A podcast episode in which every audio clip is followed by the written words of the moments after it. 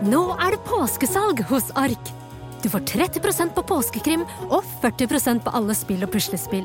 Jeg gjentar Ark har 30% på et stort utvalg krim og 40% på spill. Det er mye påske for pengene. Så hamstre påskekosen i nærmeste Ark-butikk eller på ark.no. En podkast fra Podplay. Grøntpodden, for deg som er helt grønn.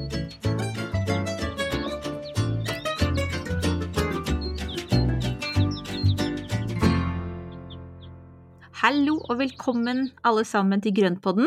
Ny episode med Espen og meg, Marianne. Um, ja, Espen, skal vi først eh, gi en liten status på hvordan vi har det, eller før vi lanserer dagens tema? ja, men det kan vi gjøre. Det er jo bra. Det er jo alltid ja. bra, er det ikke det? jo, det er jo stort sett det. Nytt år, nye muligheter og, og veldig, veldig god start på året, syns jeg. Ja, absolutt. Fått, uh, ja, herlig å være i gang med nytt år og nye mm. muligheter. Mm. Ja. Så... Og det beste av alt, og det beste av alt, hvis jeg får lov å bare avbryte deg nå, det er jo det at dagene blir lysere. Ja. Altså nå er jo klokka når, når, klokka er fire og arbeidsdagen er slutt, så er det fortsatt litt lys igjen. Mm. Altså seriøst, det er noe av det beste. Ja, ja jeg kjenner det. Jeg er uh... Altså, ja, nei, jeg, jeg syns egentlig at i år så takler januar mye bedre enn normalt, og jeg tror det er mye på grunn av oss to, eller at, at vi jobber med Grønnpodden. For det er så veldig sånn jeg mm. ser, og jeg vet at man jo skal være i nuet og sånn, eh, men jeg, jeg, ser med stor forventning fremover. Og dessuten, i nuet så er det jo frø, ikke sant? Ja, men det er, det, er jo så Ja. Så men vi skal ikke snakke om frø i dag, selv om tusen takk for all den gode responsen på de to frøepisodene vi har hatt. Eh, ja, guri, det, det, har vært overveldende. Og så og det, ja, det blir eh, det, Frø kan vi jo snakke mye om, og det kan vi også ta noe mer drypp om, for vi må jo se hvordan det går med disse frøplantene utover. Men eh, fy søren, altså, så moro. Mm. Jeg var jo litt spent på om det skulle bli litt for mye med to episoder på, på rappen, men, men, dere har omfavnet de med kjærleik og, og, nysgjerrighet, så det har vært kjempefint. Ja. Men i dag så skal vi altså eh, Og alt i plantenes verden er jo litt sånn, henger jo litt sammen. I dag så skal vi jo snakke om noe som er viktig for både frø og planter, nemlig mm. jord. Um, ja. Og det her er så stort tema, og jeg kjenner at jeg både gleder meg og gruer meg litt, fordi at jeg syns det er så mye å, å si. Um, og, og jeg får prestasjonsangst. ja, jeg vet. Så vi er litt spent på det her. Sånn. Og vi vet jo at det er masse spørsmål som dere sitter med rundt det her. Um, mm. Så vi, vi, vi, begynner i den ene enden, og så prøver vi å liksom um, få snakka om ganske mye av det som dreier seg om jord. Målet er jo at dere skal ha, sitte igjen med litt mer innsikt eh, og forståelse for jord er, og også bruk av jord i ulike sammenhenger. Mm. Og så er det ikke helt eh, Hva heter det? Det er ikke helt eh, Espen, hva heter det? Fasit? Nei da. Nei, det er, nei, det er det kanskje heller ikke. Det er jo ikke helt uaktuelt, skulle jeg si. Nei, at Nei. det kanskje kommer en jordepisode til seinere. Så hvis det er noe dere lurer på underveis, hvis det er begreper dere ikke helt forstår, hvis det er eh, oppfølgingsspørsmål som ikke jeg kommer med til Espen, skriv det ned, og så sender dere det til oss. For da kan det hende at vi mm. tar en avlegger eller en hel vanlig episode seinere. Mm. Ja, det er jeg helt enig i. og det er, det, det er jo, Jord er jo et kjempetema, og det er veldig mange meninger om det, og det er veldig mange erfaringer om det. Uh, og hvordan å bruke og hvordan å blande. og Det blir jo som bestemors brøddeig. ikke sant? Man har litt av det og litt av det, og vips, så er det mm. noe som funker. Og så finner man sin egen lille vri på det, som da gjør at dette funker for hver og en enkelt. Uh, og akkurat den er jo litt vanskelig å gjenskape. og jeg vet jo at De gangene jeg prøvde å bake brød, så smaker det ikke som mormors brød. Nei, Nei. Det gjør ikke det, altså. Men, uh, men, det er jo et stort tema, og det, det, tåler å snakkes litt mer om. Så det kan nok hende at det kommer noe mer hva, hva sa du i stad? Jordklumper i, i dryssene i andre episoder. sånn at vi, ja. vi får et litt, litt, videreføring av det vi snakker om nå. Mm. Og så må jeg også si at veldig mye av det vi skal snakke om i dag, er jo også basert på egne erfaringer. Sånn at vi da har eh, prøving og feiling med dette her. Og så prøver mm. å oppklare litt begrep og jordtyper. Skal vi rulle i gang, da? Mm? Ja, men det gjør vi. Ja. ja. Så klar jeg kan bli. Ja. Begynner veldig filosofisk. Jeg er litt redd for at du syns den her blir litt svevende, men altså, hvorfor jord? Hva er Ja, hvorfor ikke? Ja, okay, Hvorfor ikke? Da er vi ferdig med den, da går vi Ferdig med, ferdig med den. Eller hva er forholdet da mellom jord og planter? Altså hva, hva er greia? Ja, det er, det er et godt spørsmål. Hva, hadde, hva, hva skulle fisken gjort hvis ikke de hadde hatt havet? Altså, det er jo litt av samme greie. Mm. Jord er jo så grunnleggende for plantenes vekst, og det er jo det som gjør at det, røttene har et sted å holde seg fast. Det er jo én ting, at de skal holde seg fast og holde planta oppreist.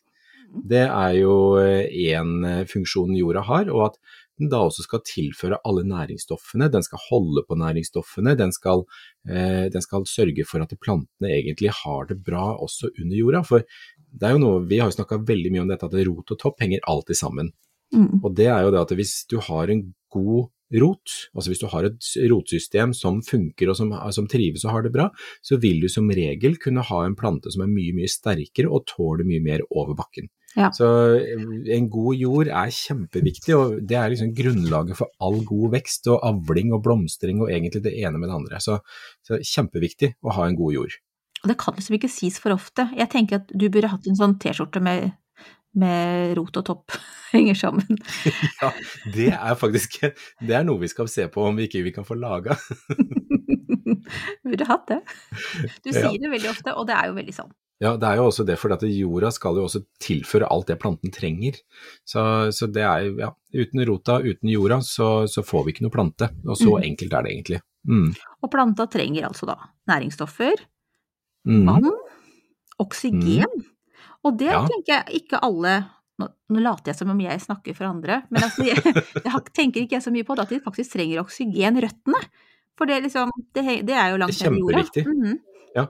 Men det er kjempeviktig, og det er også det at hvis du får en jord som er for tett og kompakt, og, og som er liksom soggy, da vil ikke røttene få oksygen, og da kollapser hele denne, stoff, altså denne utvekslingen av stoffet mellom røtter og plante og, og jorda rundt. Nei, oksygen er jo en kjempeviktig faktor i denne her prosessen som foregår nede i jorda.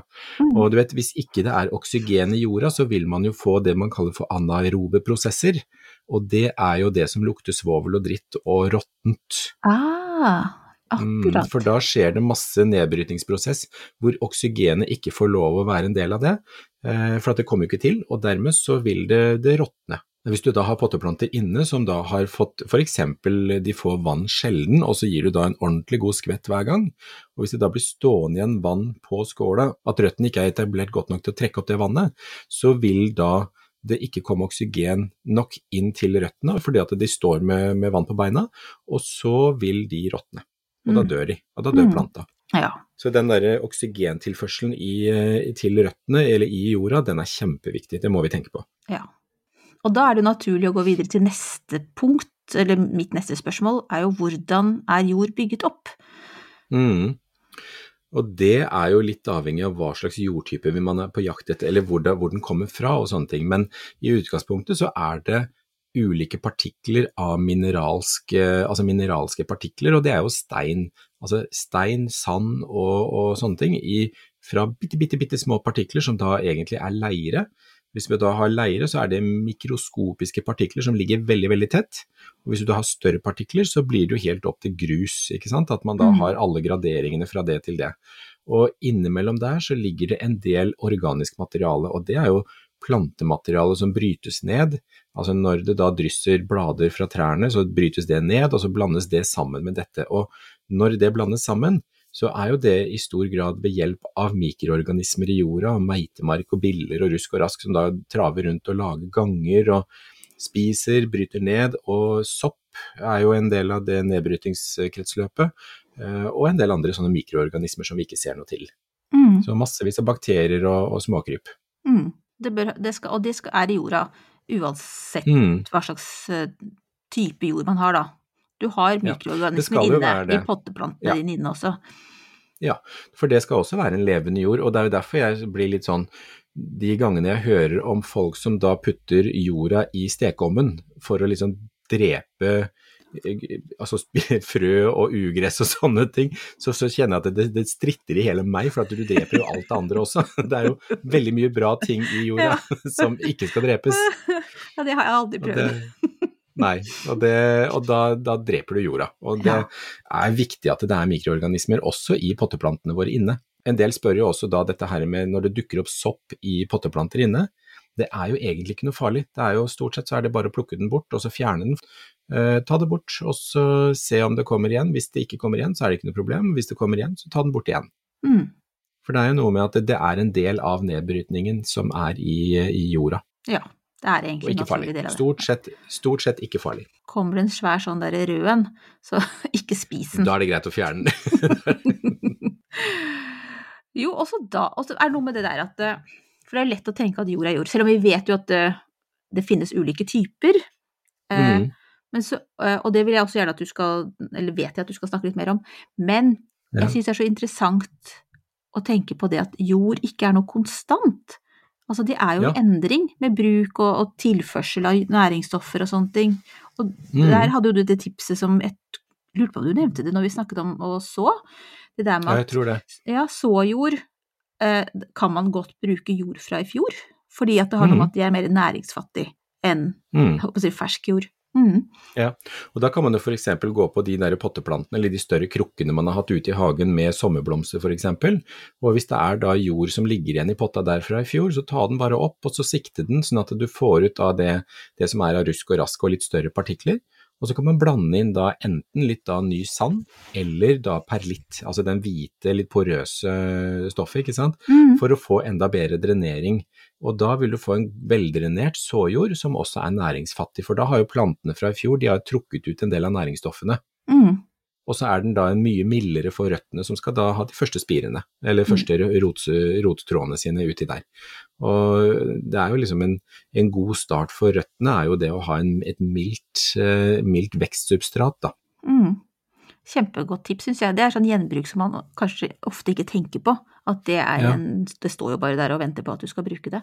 Men Mm. bare et oppfølgingsspørsmål. Hva slags Altså, er det en va kjøkkensikt? Hva er det du sikter etter? Det må jo være litt Er det liksom litt større Jeg, jeg pleier å bruke kaffefilter, jeg. Ja, da får du veldig fin jord. Ikke sant. Neida, Nei, det er jo det å bruke da en grov sikt, det er enten å da bruke en liten sånn kyllingnetting eller hønsenetting, eller at man da bare drar det igjennom sånn at man får ut de største partiklene. Det er, det er egentlig veldig greit. Mm. Men jeg vil også si det at det, når man da har altså, jord i potter og kar og krukker og, og plantekasser og vet ikke hva, så ikke kast den. Altså jord er jo ikke noe som går ut på dato eller blir ødelagt, Mm. men den trenger bare litt påfyll og ny mat. Og det som vi snakket om dette, hvordan jorda er bygd opp, det er jo også eh, organisk materiale i ulike grader av nedbrytningsprosessen. Fra helt eh, ferske blader fra siste året, og helt ned til da ja, ti år tilbake, hvor de er helt formulla, og hvor det er egentlig ikke noe igjen av de. Mm. Så det er liksom alle graderingen av denne nedbrytningsprosessen er i jorda. Og det gir jo også denne strukturen som vi også er ute etter når vi skal ha det i krukker og til eh, potteplantene våre. Vi vil ha litt av hvert, og i ulike mengder i forhold til hva slags planter og sånn vi skal ha der. Du, Mm. jeg, jeg vet at vi satte opp det her på slutten av episoden, egentlig. Jeg føler liksom at behovet for litt begrepsforklaringer kanskje melder seg på allerede nå, for du var innom substrat. Ja, ja. og det er jo egentlig for, veldig forenklet, altså veldig mange snakker om substrat, og det er jo da egentlig bare det, det materialet røttene er i, altså det materialet hvor plantene vokser i. Så til kaktuser så har vi et mineralsk substrat, og det betyr at vi bare har stein og grus og pimpstein, knust leka og sånne type ting, og egentlig nesten ikke organisk materiale i det hele tatt. Og på den måten så vil jo da jorda bli ganske næringsfattig, og den blir ekstremt veldrenert. For når du heller på vann der, vosj, så går det gjennom, og da er det ikke mer igjen. Det er Og som en dusj. Ja, men det er nettopp det.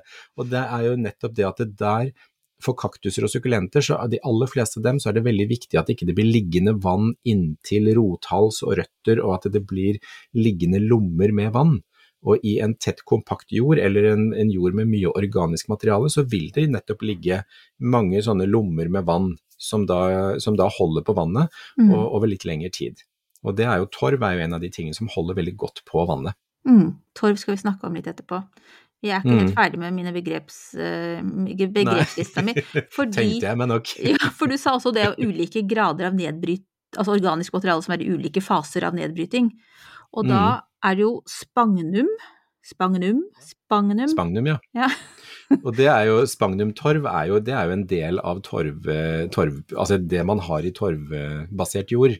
Og det er jo det øverste laget i torvmyrene, som da er lite nedbrutt, og som da bruker tid på å brytes ned videre. Mm. Eh, og det har jo mange gode funksjoner i forhold til nedbrytning, men også det til å holde på fuktighet, eh, holde på næring og porsjonere ut det til plantene. Så spagnumtorv er jo en, en veldig fin eh, På mange måter så er det et veldig fint element i jordblandinger, fordi den har gode funksjoner og, og den er lett å jobbe med og lett å transportere. Jeg har enda et begrep, og det er humus, og da ikke humus. Eh, humus skal ikke spises. Og det er godt. Det er veldig Ja. godt. Homos er veldig godt. Ja. Kikertgreier. Å, nydelig. Mm. Mm. Men nå skal vi snakke om humus, Espen. Hva er det for noe? Okay. Det er eh, partikler som er etter nedbrytingen, eh, altså, plan, altså organisk materiale. Og det er jo også det som gir farve til jorda, at den da blir mørk og at det er sånne ting. Og du kan si at hvis du har en myr, så har du da vannet i myra, det er jo ofte veldig sånn brunt og, og gulaktig. Og det er fordi at det er mye humuspartikler i vannet. Ja. Eh, og det er jo litt av det som farvesetter eh, sånn som myrvann og sånne ting. Så det er en egentlig nedbrutt plantemateriale og i bitte små partikler. Men kan vi si at humus da er en del av komposteringsprosessen? Ja, altså veldig mye av dette her går jo i hverandre, Ja. og, og det er jo Nei, det er jo egentlig ikke det. Det er jo da, det er jo restprodukt etter at det plantematerialet har blitt brutt ned, eller organisk materiale har blitt brutt ned. Ja, ok. Glem det jeg sa om kompost- kompostering, folkens. Så komposteringsprosessen er jo litt sånn, det er jo, hele, det er jo selve nedbrytningsprosessen fra eh, plantemateriale og, og annet organisk materiale til jord. Ja, og det var egentlig det siste Mm. begrepet jeg ville at du skulle forklare litt om, og det var altså forskjellen på kompost og gjødsel. Kompost Mm. er altså da en prosess.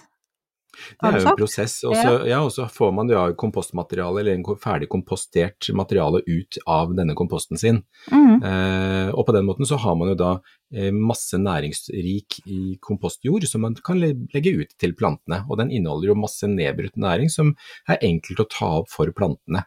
Ja, og da bruker vi det som gjødsel, sant? Da bruker vi det som gjødsel. Ja, okay. Eh, og gjødsel er jo da enten kan jo være mineralsk, altså da NKP, altså disse her kunstgjødselen, mm. eller så kan man da ha organisk gjødsel. Og det er jo rett og slett dritt. Dyregjødsel. Altså, Og det er jo da kukompost, hønsegjødsel eller grisegjødsel eller annet som da brukes og blandes ut, og så, og så blandes inn i jorda. Mm. Uh, avhengig av hvor kraftig man, man trenger å bruke det. Så, så det er jo to litt forskjellige ting, egentlig. Ja. Mm. Jeg håper håper ja. ikke det er for forvirrende, altså. Nei. Men det, vi kan jo også lage gjødsel av plantemateriale, f.eks. brenneslevann. Ja. Da får vi en veldig nitrogenrik gjødsel som da er kjempefin, og det er jo krutt for plantene. Og da lage brenneslevannet, og så vanne med det. Mm. Så gjødsel kan være så mangt, kan vi jo si. Gjødsel kan være så mangt, Ja. det er det. Mm. Men du, hva sier du nå? Skal vi ta en liten trudelutt, eller har du noe mer på hjertet før vi Jeg tror vi skal det.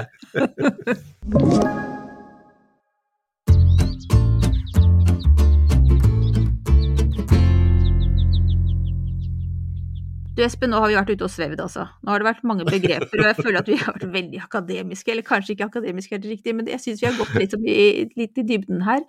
Um, Ja.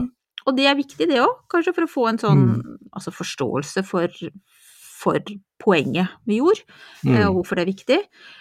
Eh, Men nå tenkte jeg vi skulle gå over til litt mer konkrete altså jordtyper.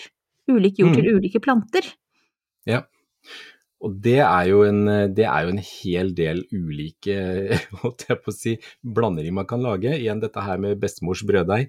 Eh, hvordan man da blander inn litt av ditt og litt av datt for å få da den optimale jordblandingen som man da er altså, enten som planta liker, eller som du sjøl liker å ha god erfaring med. Mm. Men eh, det å lage da egne blandinger, og da ta utgangspunkt i en god krukkejord eller en god plantejord, og så blande inn de elementene man vil for at jorda skal få den riktige kvaliteten. Og det første jeg vil anbefale, det er å prøve å tenke etter, eller prøve å finne ut av hvor er det planta de kommer fra, og hvilken, eh, hvilke vekstbetingelser har de der de kommer fra. For hvis du har f.eks. en orkidé som vokser opp i trekronene i grenfestene, hvor det egentlig ikke er jord, der er det litt sånn, litt sånn løs bladmasse, det er litt bark, det er litt sånne ting, og kanskje noe mose, ok, da er det ikke en solid, næringsrik, kraftig jord som skal til for å da oppfylle denne plantas behov. Mm. Men hvis du har en annen plante derimot som vokser nede på skogbunnen i, en, i et område med løvtrær, så vil du tenke at oi, her skal det jo mye løv og løvkompost inn i jorda. Så da ville jeg tatt noe av den da vanlige krukkejorda, og så ville jeg blanda inn godt med løvkompost. Slik at man da får denne her lette, porøse, fine, fine jorda, som røttene da finner lettvint vei gjennom. Ja. Og samme med kaktuser, ikke sant? At, som vi nevnte i stad, dette her med da helt rent mineralsk, altså ulike størrelser på grusen, sånn at den da er optimal for, for kaktusen. Mm. Og det samme er også hvis du har eh, myrplanter, hvis du har da disse her kjøttetende, fine eh, myrplantene som du kan ha inne i potte også, så kan du da velge, og da er det jo torv. Da er det jo liksom torv og mose som da skal være sånn skikkelig soggy, og gjerne stå med i et tett kar med beina i vann. Ja. Og på den måten så får man liksom laget det. Og alt dette her, det er mye, mye enklere når vi vet hvor plantene kommer fra, og hva slags betingelser de vokser under i, i naturlig tilstand. Så gjør litt research hvis du ikke allerede Litt Hvis det ikke står noe på planta eller på krukka, sånn, så ja. Det er, veldig lett å Mhm. finne mye informasjon med dette internettet. Det er en fordel. Ja, det er fantastisk. Nei, og det som jeg eh, da har som utgangspunkt, det er jo da en god krukkejord, og så bruker jeg da perlitt, eh, eller jeg har gått mer og mer over til knust leka, altså denne strøleka som vi da finner ute. Eh, nei, den, ikke ute, men den som vi Nei, denne strølekaen som vi da finner i, eh, i byggevarehusene og i matbutikkene overalt. Den knuste lekaen er den er veldig fin fordi når da de andre plantematerialene i jorda brytes ned, så vil den fortsette å holde strukturen oppe. Og det å ha god struktur på jorda, det er kjempeviktig. Ja. Og da gjerne en struktur som holder seg selv når da de grove plantematerialene brytes ned. Mm. Hva Fordi er det jo Er det leire, eller Leka, det? er, det er et leire, så det er, er det ekstrudert det heter? Leire som da er blitt behandla på en måte så det bare blåser opp og puffer opp. Og så brukes jo det som isolasjonsmateriale med de hele kulene. Eh, og så kan man da kjøpe et ferdig produkt som er knust. Mm. Og da knuses jo det maskinelt, sånn at man da slipper å gjøre det. For det er ikke noe gøy å gjøre sjøl. Eh, å stå og knuse sånne små lekakuler. Og hvis man finner på å gjøre det, så bruk munnbind. For Ja. den, det støvet er ikke bra å puste inn. Ja, godt tips. Så, ser- så Har du gjort det noen gang sjøl, siden du sier det? ja, snakker av erfaring. Ja.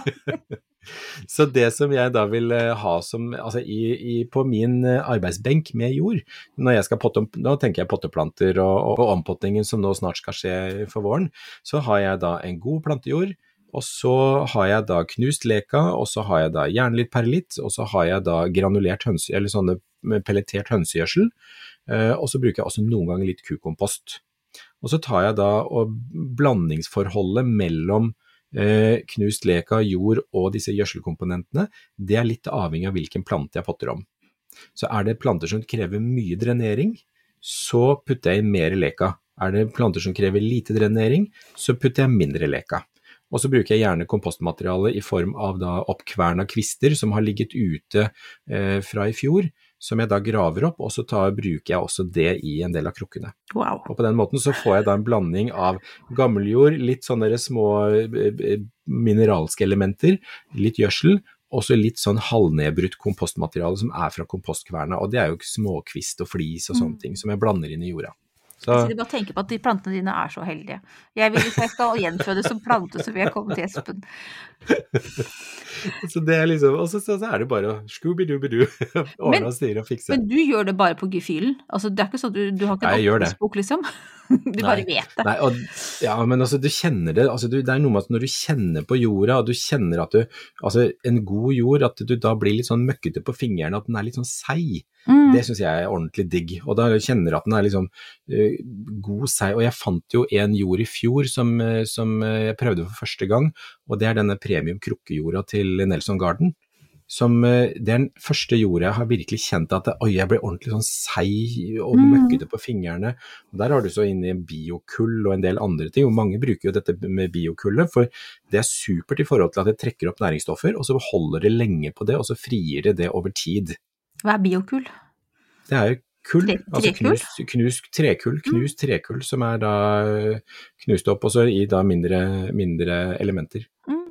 Og, og det er jo da med på å liksom forlenge den der næringstilgangen for plantene, for det er en annen ting med jord. Mm. Å sørge for at plantene har en god næringstilgang over lang tid. At man da ikke har de der jojo-effektene. Altså det blir jo som jojo-slanking, ikke sant. Det er ikke bra for noen, det. Så Mm. det er bare å holde det konstant. Altså et godt næringsrikt og godt kosthold konstant for plantene. Mm. Smart. Mm. Hvordan kan du vite hva slags jord du har i hagen din? Altså her har vi snakka før, jeg vil ikke at vi skal gå så i dybden på det, og sånne ting, men er det noe, kan man kjøpe noe test? Kan man rulle jorda mellom fingrene? Kan jo, det kan man, og det, det er jo litt sånn altså jo mer fast og kompakt den er, og, altså denne pølsete, altså pølsetesten, at man ruller og så får du den pølsa, det er jo, da er det jo mer mineralskofte enn, og mer leiraktig jord, enn du har den derre løse som da smuldrer opp. Og Mm. eh, det man da kan gjøre i hagen, det er jo da tilføre kompostmateriale, og tilføre eh, kukompost med da litt torv i, eller som, som da er litt mer torvbasert, at man da tilfører de tingene for å da jordforbedre. Mm.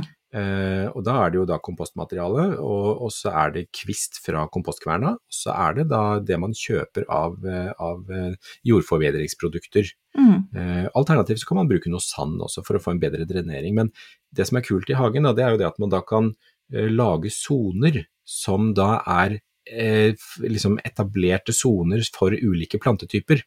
Så har du et område som det er ja, Si at du vil ha sånne woodland-planter, sånne som som vokser da på skogbunnen og sånne ting, så blander du inn masse bladkompost og lager det derre laget. Si at du la, ja, bearbeider en ca. 30-40 cm nedover. Men da må du huske på at du må vanne mye, for det er noe som er veldig veldig veldig drenert. Så der Mm. renner vannet fort gjennom, og så blir det borte.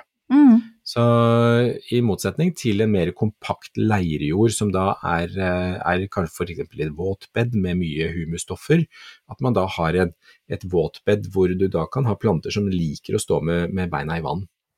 Så det er liksom de ytterlighetene, og det kan man da la, fint lage i hagen din, for det, der kan du lage ulike soner avhengig av hva slags planter du har lyst til å ha. Ja, Så- det er så gøy. Så kan du velge jord, kan du velge jord ut fra det. Og da mm. lager du og tilpasser du jorda. Men igjen, finne ut hvor plantene kommer fra, hva er det de er eh, vant med fra opprinnelig, og hvilke vekstbetingelser har de, og så tilpasser du det ut fra det. Det er jo veldig morsomt da, tenker jeg, at man kan faktisk ha um, Man kan liksom nudge naturen litt, slik at man kan Mm. prøve ulike typer planter, selv om du fra altså hagen din i utgangspunktet har en viss type jord, så går det an å, Ja. å fikse litt til. Mm. Ikke sant? Og det er liksom som et eksempel, det er jo det at eh, etter at jeg satte opp dammen her i hagen, eller grov ut dammen og etablerte den, de fuktige sonene rundt dammen, så kan jo jeg plante inn helt andre planter enn jeg ellers kunne. Ja. Ah. Og samme når du da planter inn større busker og trær som begynner å etablere seg, så får du skyggeområder der det ellers bare var steikende sol. Mm. Og på den måten så får du da muligheten til å plante inn og lage helt egne soner og, og sånne ting. Bare tenk, ha en tanke i hodet på den der langsiktigheten i forhold til at, det, at hagen også utvikler seg, så det er Ja. kjempegøy. Det er et kjempespennende poeng, tenker jeg, at du, du har ikke den hagen du hadde nødvendigvis da, når du flytta inn et sted, at den vil Nei. endre seg med, med beplantning og sånn. Godt poeng. Men du, nå, skal vi, nå sier jeg bare ett ord, og det er torv. Og det har jo Ja. folk veldig mange meninger om, og jeg kjenner at jeg eh, Og det er jo ikke uproblematisk at vi bruker så mye torv. Torv er jo en stor del av den jorda man kjøper. Ja, ja, ja. Og, og det er jo absolutt noe vi må ta alvorlig, for at det, det er ikke Torv er ikke, er ikke bra å bruke i så stor grad som det det har vært gjort. Men torven har jo også en del funksjoner som er litt vanskelig å erstatte. Mm. i forhold til dette som vekst, eh, altså som substrat, eller som da vekstmedium, fordi den har en del kvaliteter i forhold til dette med å holde på vannet, fortsette å gi en del luft, eh, eller oksygen til røttene, holde på næring. Eh, Den er jo veldig næringsfattig i seg selv, men den gir jo, har de der funksjonene som er gode, og den kan være veldig fin å blande inn i annen jord for å få en, en mer riktig blanding, da. Mm. Eh, hvis vi skal erstatte torven, så vil det gå på bekostning av noen kvaliteter. og Alternativet er også å bruke kokosfiber og sånne ting, men det skal jo transporteres halve jordkloden rundt. så eh, Spørsmålet er liksom hva er det som er eh, riktig sånn i forhold til miljøregnskap. Men vi har jo også dette med barkmull, at Mm. man da komposterer bark. og Det er jo en veldig fin ting, for at da kan man jo da ha ikke torvbasert jord, men da med en del andre elementer inn istedenfor. Ja, men som har mange av de samme kvalitetene i forhold til å være et godt medium uh, for Mm. planter. Og torven, ja. for dere som ikke har fått med dere det, så er det jo det at det uh, Både det at det er jo en del av myra, Myrområdet myrområder. Der vokser jo helt spesielle planter, og, og det er jo dyr og insekter som holder seg akkurat der. Og det å grave bort Mm. mye av det, det skader jo eh, livet der. Men så er det også det at Mm. torv binder jo veldig mye klimagass. Ja. Eh, så det er jo det som er liksom det store eh, spørsmålet, eller problemstillingen med, med Mm. torv, da, og at vi bruker så mye av det.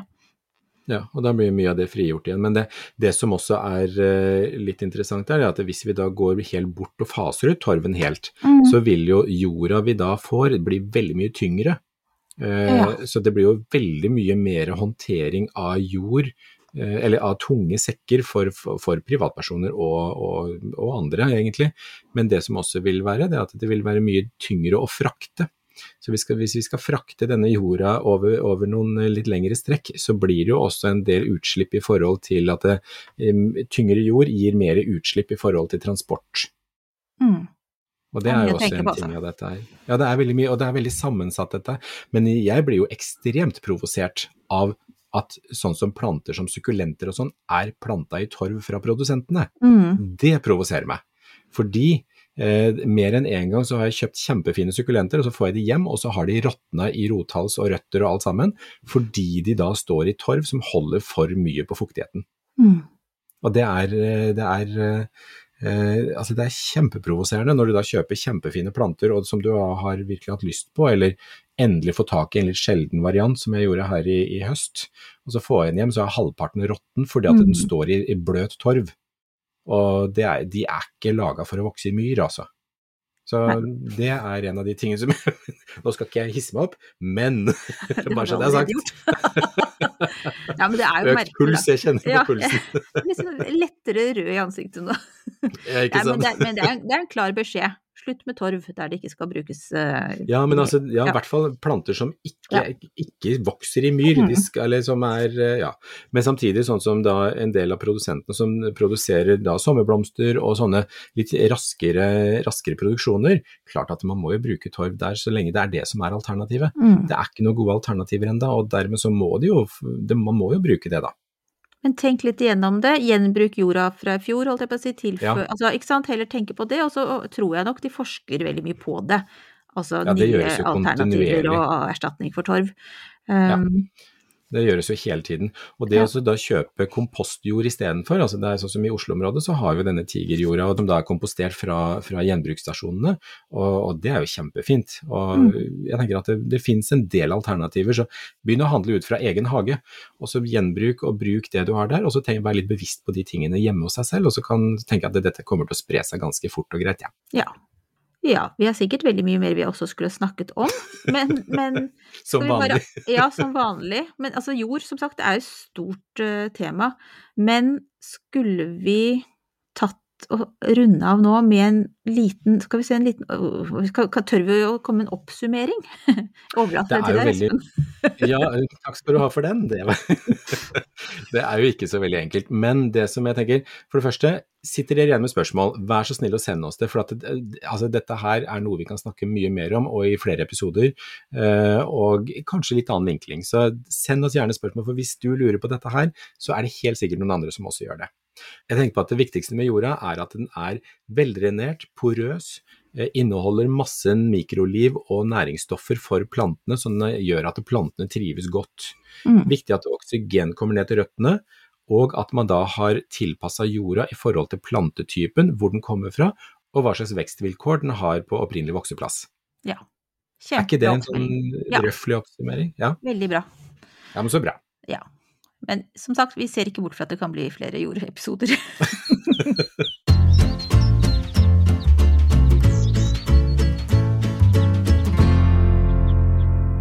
yes, Espen. Eh, ukas plante er Ja. første faste post. Det vil høres ut som et sånn, sånn regnskapsbyrå eller sånt. Postering. Har, Men i hvert fall, glem det. Det er altså ukas Debit og kreditt, det har jeg lært. skal vi se, I dag skal vi snakke om Clivia. Hvem er Clivia? Ja, og jeg har hatt så lyst til å snakke om Clivia. Fordi Clivian er så, den er så trivelig. Det er en veldig, veldig fin plante.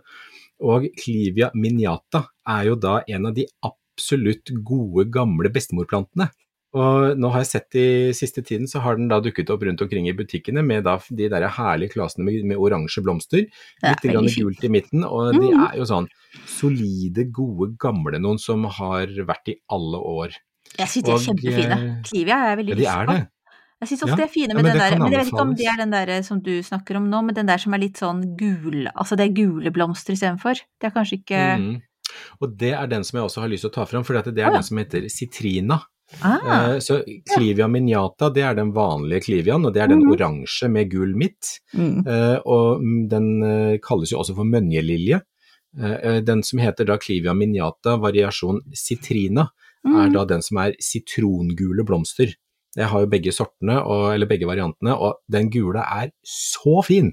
Ja, Og i fjor så blomstra min, jeg tror de tre runder, jeg. Starta sånn rett før påske og holdt det gående utover sommeren. Oi! Har aldri opplevd en kliva som blomstrer så mye, og det er bare én liten sånn rosett, fordi at jeg fikk det som en stikling av en kompis for eh, tre år siden. Eh, og jeg venter jo på sideskudd, for at jeg vil jo gjerne ha, har liksom fått en litt tettere og fyldigere plante, men det er bare den ene som kommer. Men den vokser altså, fy søren. Men er det en løk? Hva er dette her? Det er en løkplante. Er sånn, det er det, ja. Mm. Ja, det er en løkplante, det, men den er jo ikke den der definerte løken som veldig mange løkplanter har. Eh, det som er med clivia, når du potter den om, så vær forsiktig med røttene, for den er det som de, de på engelsk kaller for potbound, at de da de liker ikke å bli rørt på røttene, og den liker ikke å bli Ah. flytta på og rikka ved. Så la den få stå i samme potta, la den få lov å, å få det litt grann trangt før du da tar og bytter den om. Det er litt sånn som Eh, agapantusen da, egentlig. Veldig som agapantusen. Ja. Og hos meg så tar jeg også setter den i en krok litt kjølig på vinteren, og lyst, men da, men da glemmer den litt. Mm. Og den får ikke noe særlig vann, den får lite, altså den, og så visner den litt grann på de nederste bladene, men på våren igjen så begynner jeg å vanne opp igjen, og da kommer knoppene som regel. Men er det en plante som Og- du fremst tenker på som en uteplante, eller jeg vil gjerne ha den i stua. en, eh, det er en stueplante. Ja. Det er, og det som er fint med den, er at i gamle dager så sto jo den i de litt kjøligere stuene og overvintra der, Mm. med da litt lavere temperatur. Dermed Mm. så, så sto de da egentlig inn i en automatisk hvileperiode, og så blomstra de til våren igjen. TV-stua vår er altfor kald, så da kan Klivian stå der, og så kan ja, kjempefint. Ja, da har den det veldig fint der. ja, kan se på den under, det- sitter under pleddet. Ja. Men det som også er, sett den gjerne ut i hagen på sommeren. De stortrives Mm. med sommerferie ute. Ja. Men det er bare viktig at den ikke får sol på bladene. Altså minste lille solgløtt omtrent, så svir du merker i de. Så sett den i skyggen. Mm, da Så skal jeg gjøre det. nordsiden av huset, eller at den da får stå under noen trær, og pass på at ikke det, ikke er liksom noe sol som kommer til. Mm. Ja, den er veldig, veldig fin. Jeg er helt enig. Veldig glad for at du valgte den. Eh, Så bra. Ja. Takk, Espen. Har du noen bilder av den, eller? eller Ja, jeg har bilde av ja. Nei, jeg jeg, skal, surfer jeg har bilde Ikke sant? Nei, jeg har bilde av sitrinaen, så den, den skal vi få ordna. Og den eh, store, gamle oransje hadde jo mormor eh, i gamle dager, så jeg fikk jo den fra henne, og det er veldig gøy. Og i fjor sommer så hadde den sju stilker med blomster. Mm, Det var helt sjukt fin. Ja. Det var kjempefin. Da kommer det Det er bilder av å- Ja, Det kommer. Og, ja. Over til ukens spørsmål. Ja, Utekrokene dør alltid på denne tiden. I ja, der har jeg fra skrevet litt Ja, feil. For det er, ikke, det, er kro, det er ikke krukkene som dør, det er Nei, plantene som dør. Jeg lurer Ok. Jeg har skrevet litt feil. Ja. Det ville vært veldig synd og trasig hvis da krukkene dør under vinteren, men noen gjør jo det jeg også. så bare faller. Ikke De Det kan jo bli Men det sprengt i filler, da. De kan bli sprengt i filler, og det er jo en av de tingene som kan skje. Mm. Men det her var det jo egentlig altså Potteplantene, altså plantene oppi krukka, pleier å dø på, på senvinteren og tidlig vår. Mm. Og der tenker jeg at det er faktisk et veldig godt spørsmål, fordi overgangen mellom vinter og vår er litt vrien, og det betyr jo det at det, når vårlufta blir litt varmere og Mm. sola begynner å varme, så vil de plantene som står, og dette her gjelder jo også planter i, i bakken egentlig, eh, hvis de dette har vi snakket om før med dette her vår, den der slemme vårsola, som da kommer og varmer opp skuddene over bakken, Og når da jorda er frossen, så vil ikke planta kunne klare å trekke opp noe fuktighet fra bakken. Mm. Og dermed så er røttene frosset, og planta oppe begynner å leve, leve sitt eget liv. Og da bruker den opp all den fuktigheten som ligger lagra i planta, og så fordamper alt sammen, og så dør planta. Da tørker Ja. den rett og slett ut. Ja. Så det som er viktig å gjøre med, med, med potter og krukker som har planter i ute nå, det er jo det å pakke de inn med noe lyst tekstil. Altså gjerne hvitt eller lys, lyse tekstiler, for at den ikke da skal få varme, og at ikke den skal begynne å spire før jorda er tint. Mm. Så da prøver du å få rot og topp til å på en måte være litt Henge i sammen. samme mm. I synkrone. Ja. Og det man da kan gjøre, det er å begynne å vanne med lunka vann i krukkene når det da er varmt på dagen og kaldt om natta og sånne ting. Så er det bare å prøve vann med lunka vann, slik at du da får tint opp en del av rota. Sånn at da den, den vil tines. Herregud, det var enda et godt tips. Hvor mye er det du har oppi huet ditt da? Jeg forstår ikke det her. Det ikke Det er så, så mye kunnskap der. Ja, men du, det var veldig Det var, ja, men det var Ja, godt så eh, bra. Ja, så bra, den. Skal vi kjenne en rødme der. Takk skal du ha. Mm. Ja, var det noe mer du hadde lyst til å si? Var det, er du tømt alle tips for disse stakkars krukkene som dør? Har du noe, er det noe mer du vil si? det Nei, nei, nei. Vanne med lunka vann og pakke de inn, og det, Ja. det er jo egentlig veldig lurt. For at det er sånn Mm. at du unngår den der varme sola. Så det tenker jeg det er det viktigste. Ja. Da tenkte jeg Mm. bare spør deg hva du gjør nå, jeg. Ja. Hva er det Ja, som står på agendaen? Ut i hagen! Ut i hagen, I hagen. Ja. Ja. Ok. Nei, jeg skal ut og beskjære, faktisk. Fordi at det, nå er det tid for å beskjære druerankene. Ja, du, takk for at du sa det, for det, mannen min, vi har jo gamle drueranker, og nå har han vært veldig gira på oss å beskjære dem veldig lenge, så jeg har sagt at jeg skal høre med Espen når vi skal gjøre det. Ja, Men så bra. For det skal jeg gjøre også nå. For det er det som står for, for tur. Eh, og det er jo fordi at druerankene er jo blødere. Altså de Mm. blør jo fryktelig når du da klipper de for seint. Og ved å klippe de nå, altså man kunne jo ha klippet de helt eh, fra romjula nesten. Man Men kunne det, det klippe- ja, ja.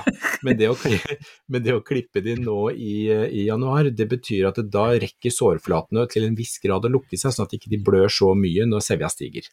Og Så det er, eh, det er fint å gjøre nå. hvor, hvor, langt ned, hvor langt ned klipper du? Altså, det hadde jo vært veldig greit å få hele oppskriften nå, da, egentlig, på det. Hvor langt er et tau? Å ja, akkurat. Det er Nei, men det er veldig vanskelig å si. Det som jeg pleier å gjøre, jeg har jo da leda opp mine drueranker til å bli én stokk. Altså, den, det er litt forskjellig form på de, men enten så er den da én rett opp, og så har den sidegrener ut, eh, som en espalier, eller så har du bare én stokk opp og i vinkel. Det, det er det jeg har gjort på mine. Og jeg tar alltid og klipper tilbake helt inn til hovedstokken nå i januar. Mm. Sånn at alle, altså hovedstokken får lov å stå igjen, men alle årskuddene fra i fjor klipper jeg helt inn. Ja. Eh, hvis jeg ser at det er noen, eh, noen sidegrener som gikk i stykker i fjor, så vil jeg kanskje ta vare på en av eh, de eh, årskuddene fra i fjor for å danne en ny sidegren, eller en ny retning, hvis jeg har lyst til å erstatte noe av det gamle. Mm. Så i hovedregel er det å klippe tilbake all årsvekst fra i fjor, og Ja. beholde hovedstokken. Og da vil den skyte fra bånn av fra hovedstokken igjen til våren. Da gjør vi det også. Fordi vi har jo, Mm. de, de er på den ja, ene halvdelen av den eh, sydvendte fasaden. Ja. Og de har jo, det er jo så mye at de har jo nesten Men den er blitt svær. Den er kjempestor, og, og, og det blir jo så mørkt om så, inne på Ja. kjøkkenet om sommeren, fordi det er jo bare det er drueblader overalt. Og så tenker jeg at. Helt innesperra av druer. Ja, uff a meg, forferdelig.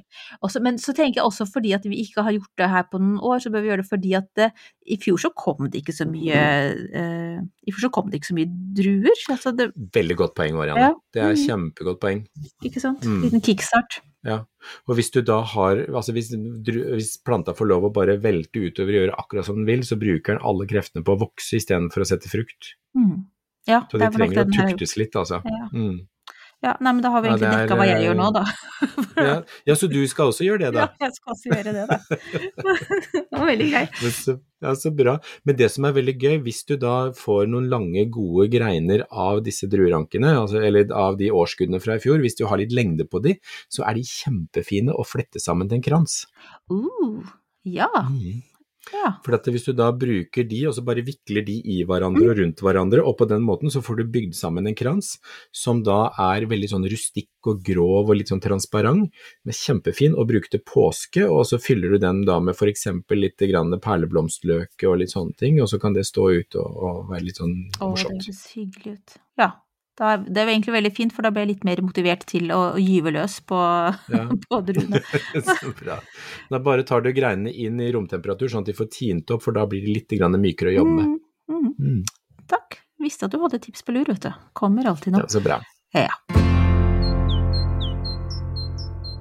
Ja, og mens vi hadde en liten trudelutt, så har Espen og jeg diskutert hva vi skal snakke om neste gang. Det var en veldig kjapp diskusjon, og vi ble fort var- enige. Vi var fort enige, og det var egentlig det hjalp å provosere litt, for jeg sa da at å gud, jeg har lyst til å snakke om tulipaner, men kanskje det er litt sånn, er litt over, og da fikk Espen helt bak seg, og jeg sa at nei, tulipaner er ikke over. Så da blir det tulipaner neste gang. Aldri over. Eh, Så det gleder vi oss til. Da Mm. blir det, altså da må vi snakke litt historie. Det er jo så gøy. Ja, men det blir historie. ja. Det blir eh, Jeg tror det blir mye historie, og så Ja, nei, det er, det er så mye gøy med tulipanens historie. Mm, så det blir fint. Det, nei, jeg gleder meg. Jeg begynte å tenke allerede Mm. nå på vi må, Ja, det er så ja, mye, mye jeg lurer på der òg. Men eh, dere, én ting før vi sier ha det bra. For det første, er det flere ting dere lurer på når det gjelder jord? Si Mm. Og også tenkte jeg sånn generelt om begreper som dere lurer på. Ikke sant? For noen ganger så er det, kan det være øh, uttrykk som Særlig som Espe bruker, jeg kan ikke så mange av dem, men etter hvert så har jeg jo lært man litt, sånn stratifisering et- for eksempel. Sånn som etiole, etiolering. Ja, det har jeg ikke hørt om ennå, så det er jo for eksempel et ord dere kan lure på. Men altså, hvis dere har begreper og ord som dere ennå, det her forstår jeg ikke helt, så er det garantert noen andre som heller ikke forstår det, sannsynligvis ganske mange. Send det inn til oss, og så kan vi jo samle det opp. Kanskje vi tar en avlegger? Ja, men det gjør vi. sånt. Du, vi vi kan ta en avlegger ja. eller en episode med ord og begreper. Det kan vi gjøre. Ja. Det er kjempegøy. Og det er jo det er veldig dumt hvis man da sitter og lurer på noe og ikke får svar på det. Så det, det svarer vi veldig gjerne på. Nettopp. Men du, skal vi si ha det bra? Ikke ennå. Nei, det er bare tull. Da er vi så godt i gang. Vi er så godt i gang. Nei, vet du, vi skal si ha det bra og si tusen takk for at dere hører på oss nok en gang, og, Mm. og så glad for alle tilbakemeldinger og all respons, og at dere er eh, der ute og heier på oss. Mm. Følg oss i sosiale medier. Eh, Vi heter Grønnpodden. um, Og er kontaktbare. Vi Ja. svarer så godt vi kan på spørsmål og syns det er veldig hyggelig at dere tar kontakt. Mm. Mm. Ja, men det gjør vi. Kjempefint. Ha det bra, tusen takk for i dag. Ha det bra.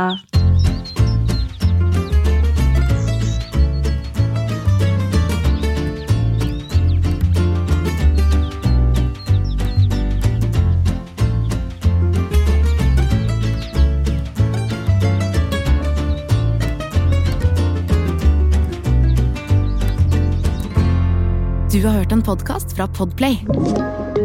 En enklere måte å høre podkast på. Last ned appen Podplay, eller se podplay.no.